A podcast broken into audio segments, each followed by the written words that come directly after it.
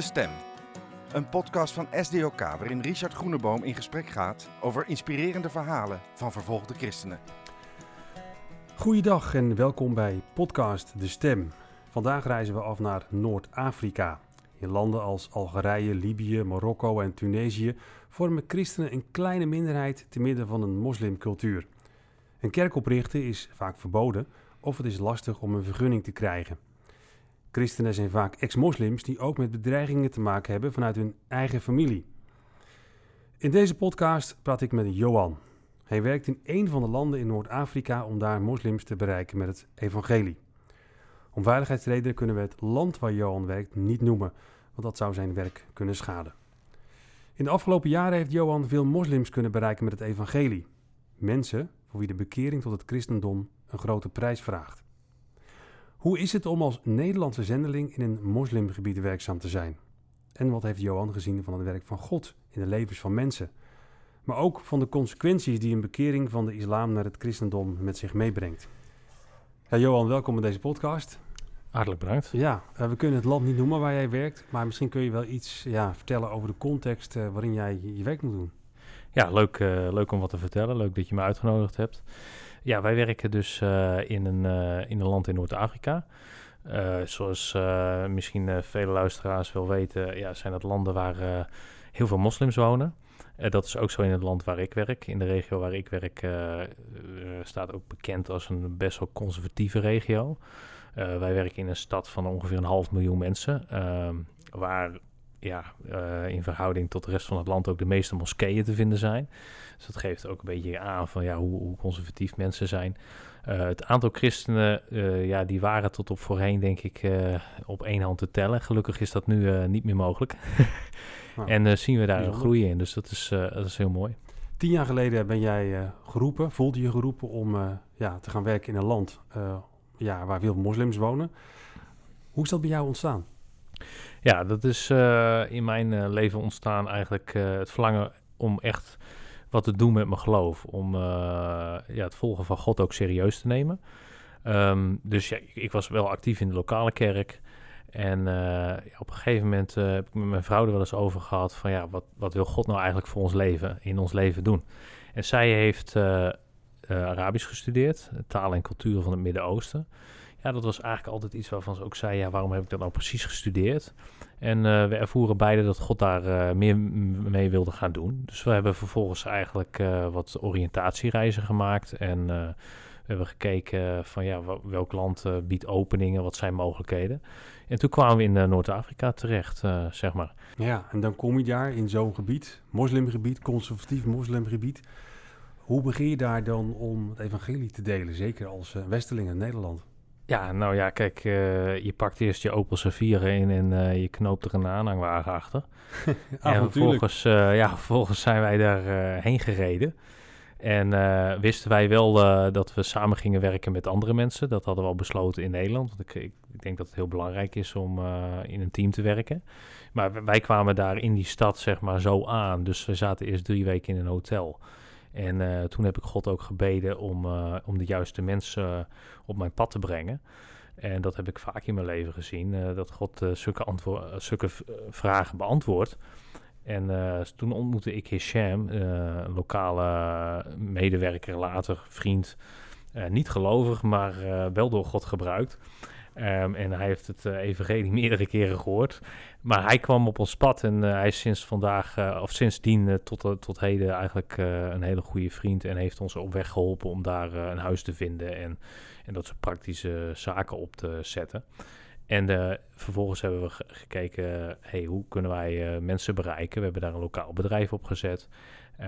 En we hebben ook samen met onze teamleden natuurlijk nagedacht en gebeden van hey, hoe, hoe denken we deze mensen het beste het evangelie van de Heer Jezus te kunnen laten zien. Um, in woord en daad, iets waar ik in geloof. Ik denk dat het twee kanten heeft. En dat hebben we gedaan door, ja, door te delen met mensen. Door in het bedrijf ook uh, actief uh, uit te reiken naar mensen.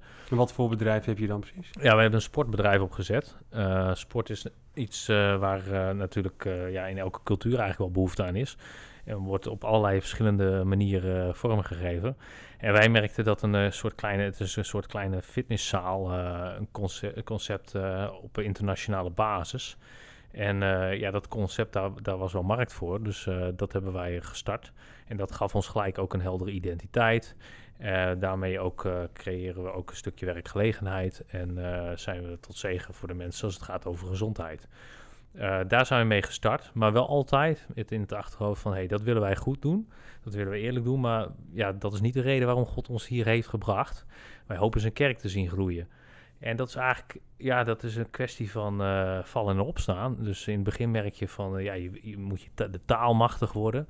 En dan merk je, ja, er wordt door moslims heel vaak een discussie op gang gebracht. Ja. En we merkten, ja, dat is meestal niet heel erg vruchtbaar. Uh, omdat je heel snel over de verschillen praat. Dus toen hebben we ook wel gezien van, ja, het is veel mooier om aan te sluiten bij problemen van de mensen. En daarop te antwoorden met bijvoorbeeld een gelijkenis van de Heer Jezus. Um, of met gebed. Dat hebben we ook gezien, dat we God echt vroegen van, ja, wat is een opening? En we merken dat moslims staan open voor gebed. En die, uh, ja, die, die, ontvangen dat 9 van de 10 keer, zou ik zeggen, graag. Ja, maar dan begin je zo'n sportschool, maar ook met het idee om daar bij het fitnessapparaat dan gewoon iets te delen van het geloof en iets over um, te ja. vertellen? Nou ja, kijk, uh, dat hebben wij, uh, wij hebben altijd wel gezegd, wij willen de mensen die op in die fitnesszaal komen ook bieden waar ze voor komen. Dat is sport.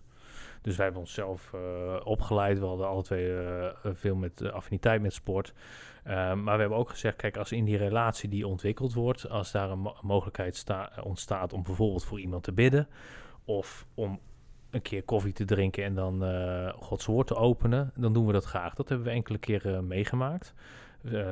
En daar zijn ook mooie dingen uit ontstaan. Um, zeker qua vriendschappen en qua ook het, het, brengen van het evangelie. Maar we zagen ook dat, uh, ja, dat buiten de kerk uh, veel meer, eigenlijk veel meer nog, of buiten de kerk zeg ik, ik bedoel buiten het bedrijf, eigenlijk veel meer gebeurde. Ja. Uh, dus toen hebben we wel gezegd van, oh ja, dus met dat gegeven van willen we ook voldoende tijd investeren in het follow-up aan de dingen die buiten, de, buiten het bedrijf gebeuren. Ehm, je bent dan zendeling in een moslimland hè, waar ze niet op christenen zitten te wachten. Ik kan me voorstellen dat dat ook voor jou en voor jullie gezin ook wel heel erg uitkijken is dan toch? Ja, het is zo uh, dat in het land waar wij werken, dat je, ja, je kunt de, officieel uh, gewoon uh, het land uitgezet worden. Voor lokale gelovigen gaat dat, gaat het nog verder. Die, die, die kunnen ook een gevangenisstraf van drie maanden krijgen als ze besluiten om christen te worden. Um, dus voor ons, ja, wat is het risico? Uh, dat is dat je eruit gezet wordt. Ja, nou, is je dus missie ten einde? Ik bedoel, dat is eh, missie uh, ten einde, dat is waar. aan de andere kant denk ik, ja, ik geloof dat God ons ook beschermt als we in zijn wil wandelen. En dat hebben wij dus gezien. Wij hebben eerlijk gezegd nooit grote problemen gehad met de overheid. Zeker wel vragen. Ik weet nog goed bijvoorbeeld de eerste keer dat ik daar kwam, kwamen bij een privéschool voor onze kinderen.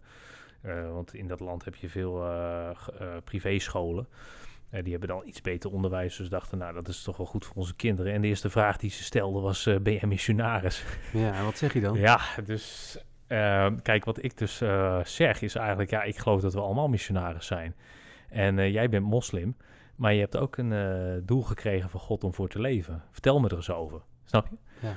je dus draait de vraag Je draait de vraag om. En dat is ook iets wat ik eigenlijk echt wel heb ge geleerd kijk, wij hebben in de Nederlandse cultuur toch wel vaak van, nou ja, als je moeder je wat vraagt, dan antwoord je. Uh, ja, we zien dat Jezus in sommige gevallen ook uh, totaal andere richting op, op werkt eigenlijk. Hè, met de manier waarop die antwoordt of waarop die vaak een wedervraag stelt. En dat is natuurlijk ook heel handig om te doen in deze cultuur. Zeker als er een veiligheidsaspect speelt. Uh, en ik vind het leuk omdat je dan het, uh, de, zeg maar het gesprek op een ander onderwerp brengt. Ja, je bent dus tien jaar geleden begonnen daar eigenlijk op nul. En nu hebben jullie daar een kerk met hoeveel mensen daar? Ja, uh, nou ja, de kerk op dit moment bestaat uit meer dan twintig mensen.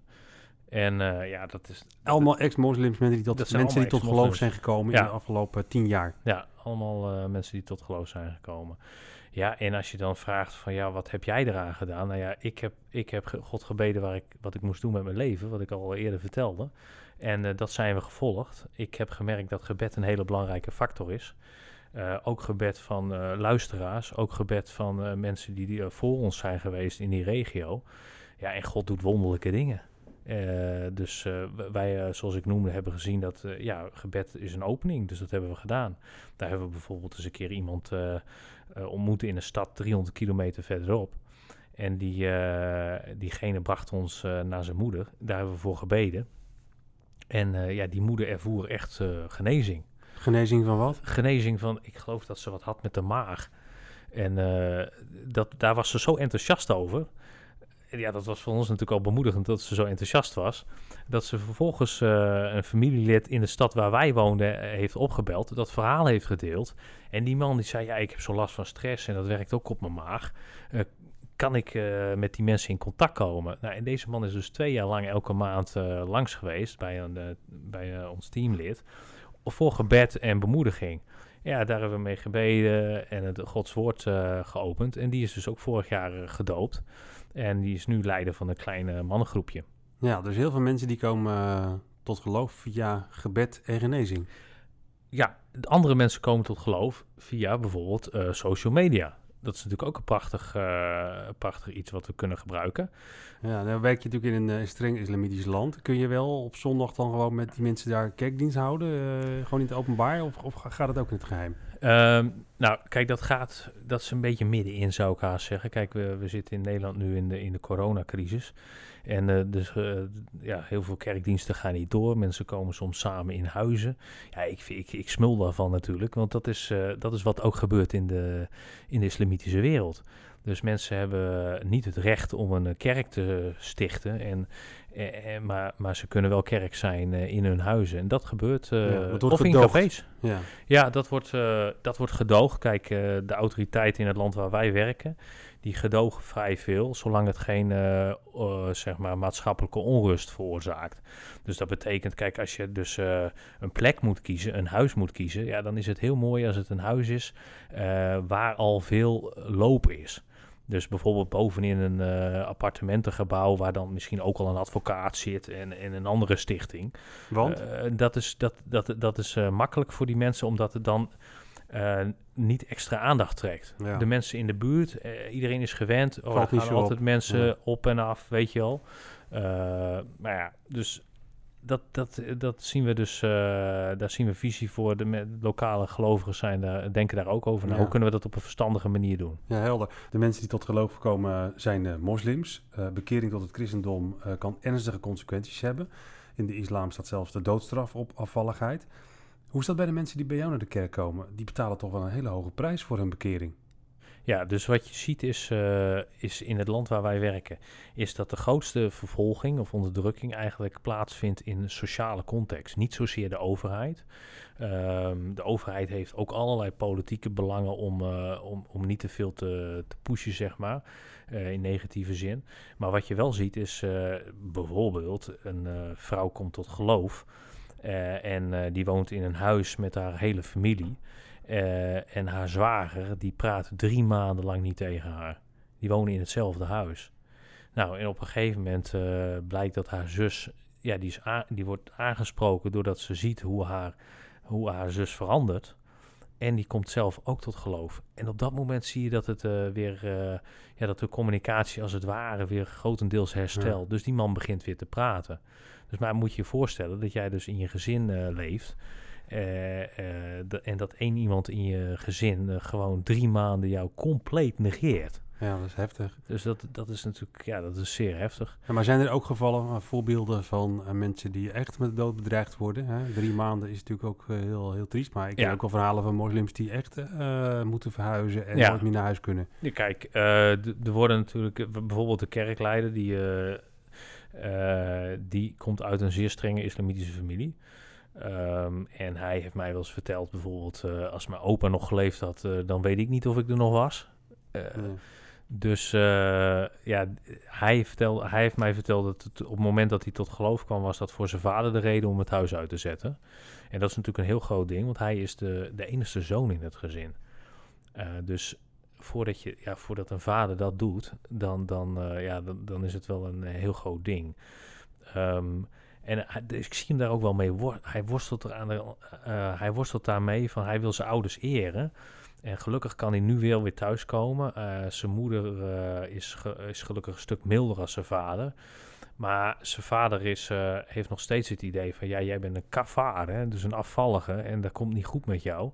Uh, jij gaat zeker weten naar de hel. En uh, kijk, dat be besmeurt eigenlijk ook een beetje de familienaam. Dus hmm. daar zit ook een heel stuk schaamte en eercultuur in. Uh, wat ertoe leidt dat, dat hun bijvoorbeeld ja, toch genegeerd worden. Of een, een ander voorbeeld is dat bijvoorbeeld de oom van deze man heeft aangeboden aan de familie om deze lokale kerkleider een behoorlijke som geld te geven om vanuit Noord-Afrika naar, naar Europa te reizen. Dan denk je, ja, oh, dat kun je, dat, is dat goeieheid? Nou, waarschijnlijk heeft dat ermee te maken dat die vader dat gestimuleerd heeft. om te zorgen dat die zoon als het ware uit het vizier ja, uit, uit, uit het vizier raakt hè, van die lokale gemeenschap. Want dat is ook een manier waarop zeg maar, uh, eer hersteld wordt. Dus dan is de zoon in, ineens in Europa aan het werk. En dan levert hij de familie wat op. Terwijl eigenlijk, eigenlijk achterliggende gedachte is natuurlijk dat hij uh, ja, dat hij niet wil dat zijn zoon in de buurt is vanwege uh, zijn geloof. Ja. En dit is ook een aantrekkelijk idee voor zo'n lokale kerkleider. Dus dat is ook wel dingen waarmee worstelen van... hé, hey, ja, maar je, je hebt ook God ervaren... en je weet dat je geroepen bent om hier in dit land te zijn... en om hem bekend te maken. Ja, hoe, hoe ga je daarmee om? Ja, en hij is eigenlijk ook niet gegaan. Hij is niet gegaan, nee. nee. nee. Ik kan me voorstellen dat dat uh, best heel pittig is om als ex-moslim, als christen te functioneren. Uh, je hebt dan wel de broeders en zusters van de kerk, maar daarnaast is het wel heel eenzaam, lijkt me. Hoe, hoe ervaren mensen dat in jouw kerk? Ja, uh, dat is waar. Dat zie je dus ook wel in de kerk. Zeker een aantal mensen zitten die, die, die sowieso al wat meer ja, in een, een, eenzamere positie zaten. En dat is soms best complex. Dat zijn mensen die dan al familieruzies hebben bijvoorbeeld. Nou ja, dan wil je eigenlijk graag dat ze dat goed uh, maken met hun familie. Uh, en dan zien we gewoon dat uh, die mensen in die, in die kerkgemeenschappen, als het ware, ook een stukje van die sociale interactie terugvinden. Dus de kerk in die zin is ook een, ja, een best wel een hechte gemeenschap omdat uh, voor sommige familiebanden wegvallen of deels wegvallen, zie je dat ze toch onderling uh, behoorlijk naar elkaar omkijken. Ja. En wat voor rol spelen jullie daarin om mensen toch uh, te helpen om te voorkomen dat ze te veel in isolement terechtkomen?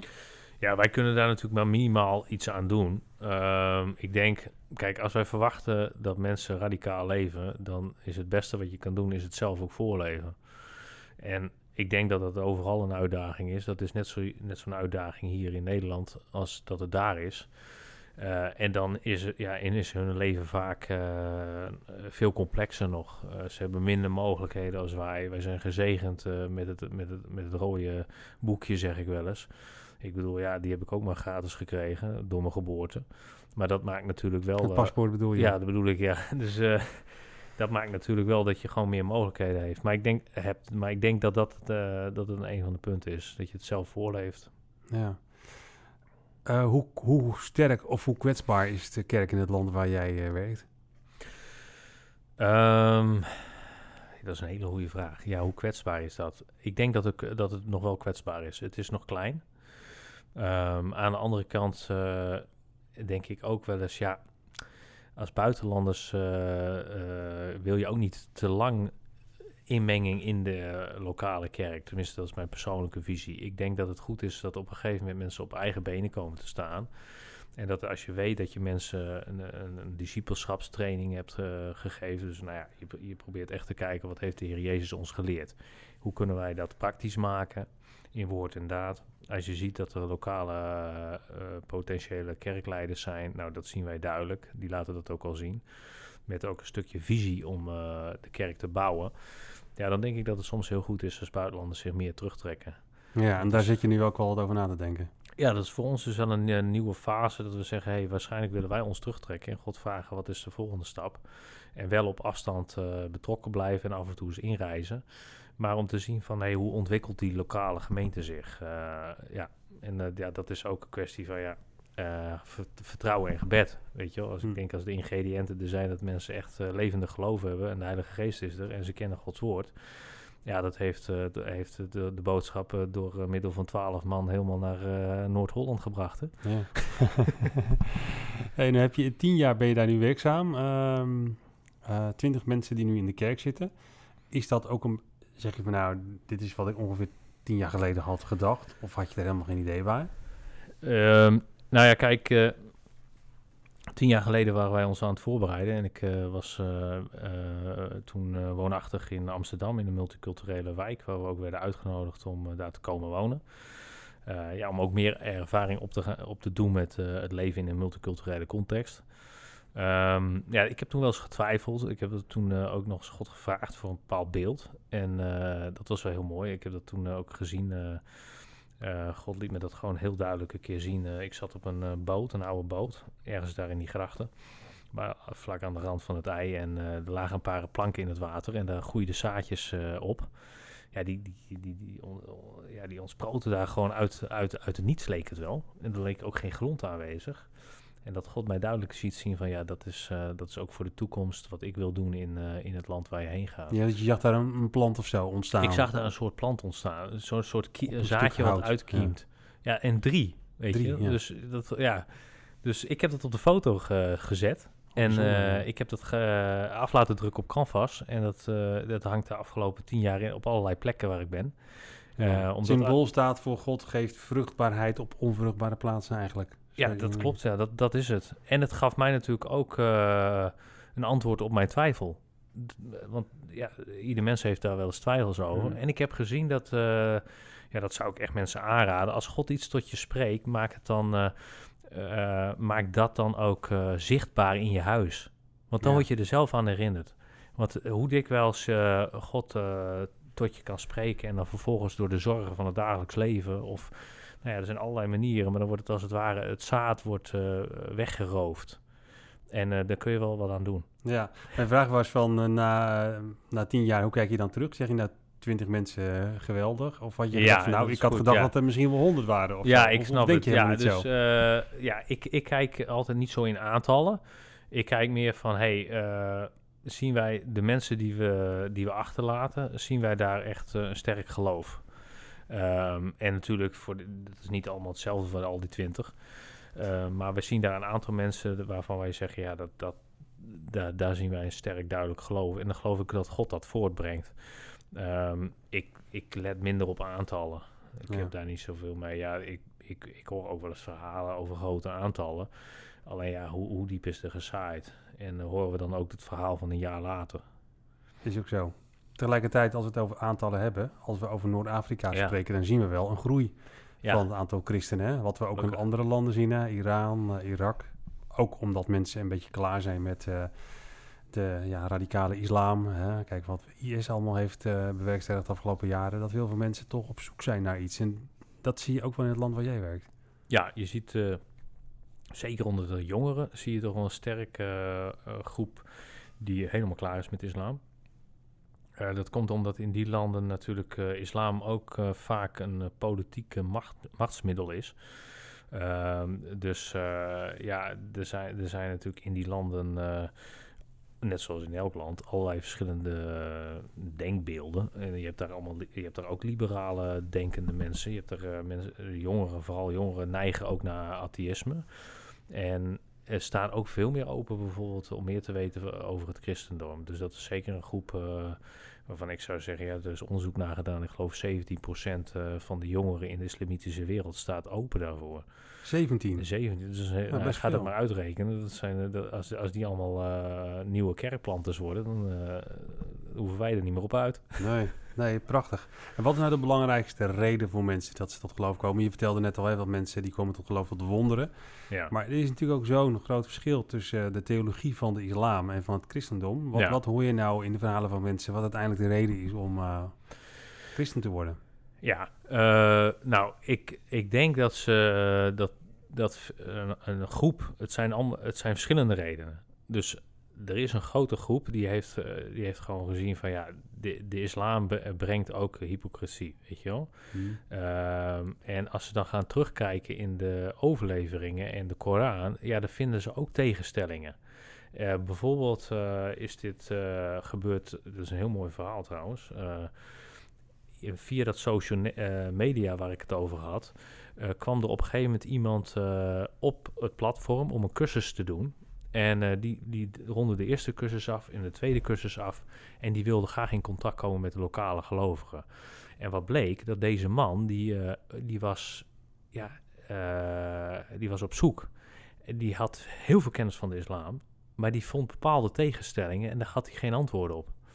En toen we uiteindelijk heeft hij die, die, de cursus over de Heer Jezus en ook de cursus over de, de deur van vergeving uh, die beide cursussen heeft hij, dat zijn natuurlijk Arabisch, in de Arabische taal, dus vandaar dat ik zoek naar mijn Nederlandse woorden. Maar uh, die, die twee cursussen die heeft hij afgerond. En uiteindelijk bleek dat deze man imam was en verantwoordelijk voor de opleiding van imams in, onze, in de stad waar wij wonen. Ja.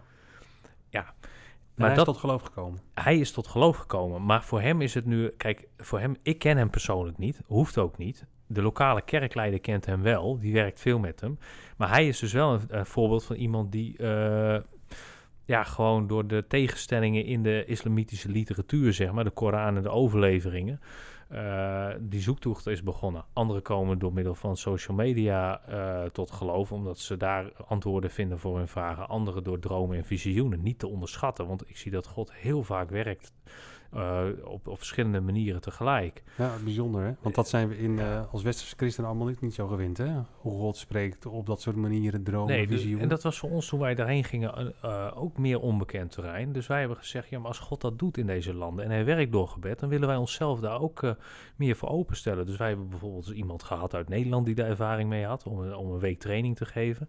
Maar ook iemand die, die ons heeft geholpen met, met, met gebed omdat wij gewoon zien van ja, als God ergens uh, in werkt en vrucht geeft, ja, dan wil ik er meer van weten. Ja. En heb je dat zelf ook wel zo ervaren, dat God op die manier ook tot jullie zelf spreekt?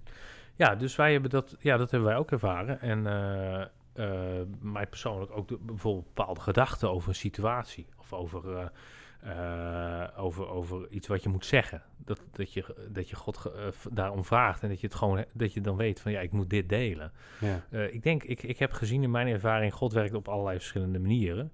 En volgens mij kan die ook op alle manieren tot jou en mij spreken. Maar ja, mijn ervaring is ook, ja, God spreekt op bepaalde manieren tot mij en tot iemand anders misschien weer meer op een andere manier. Ja. En dat is ook mooi. Ja. Ja, het land waar jij werkt, uh, daar gebeuren hele mooie dingen, maar ook hele moeilijke dingen. Uh, wat is nou het belangrijkste gebedspunt wat jou betreft voor, uh, voor het gebied waar jij werkt en voor het werk wat jullie doen?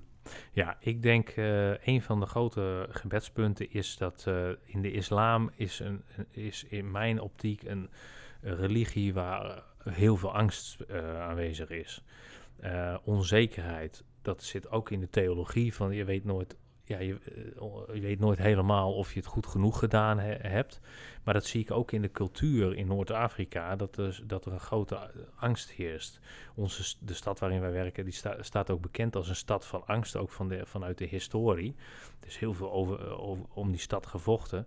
Maar ik, ja, dat is denk ik een gebedspunt dat je God echt mag bidden van ja, om... Om de lokale christenen echt een blijmoedig hart te geven. Een hart vol met, met moed en hoop en liefde. Uh, die de angsten overwint. Mooi gebedspunt, Johan. Dankjewel voor je verhaal en ook veel uh, zegen toegewenst in je werk. Tot zover deze aflevering van Podcast De Stem. Als deze podcast uh, je nou inspireert, nou, dan zou ik het leuk vinden als je hem ook een waardering geeft. Dat zorgt er namelijk voor dat we beter zichtbaar zijn in de podcast-app. En op die manier ook weer meer mensen kunnen bereiken met de verhalen van vervolgde christenen. Ik wijs je nog op dat uh, de volgende podcast dit keer niet over twee, maar over drie weken weer te beluisteren is. Graag tot dan.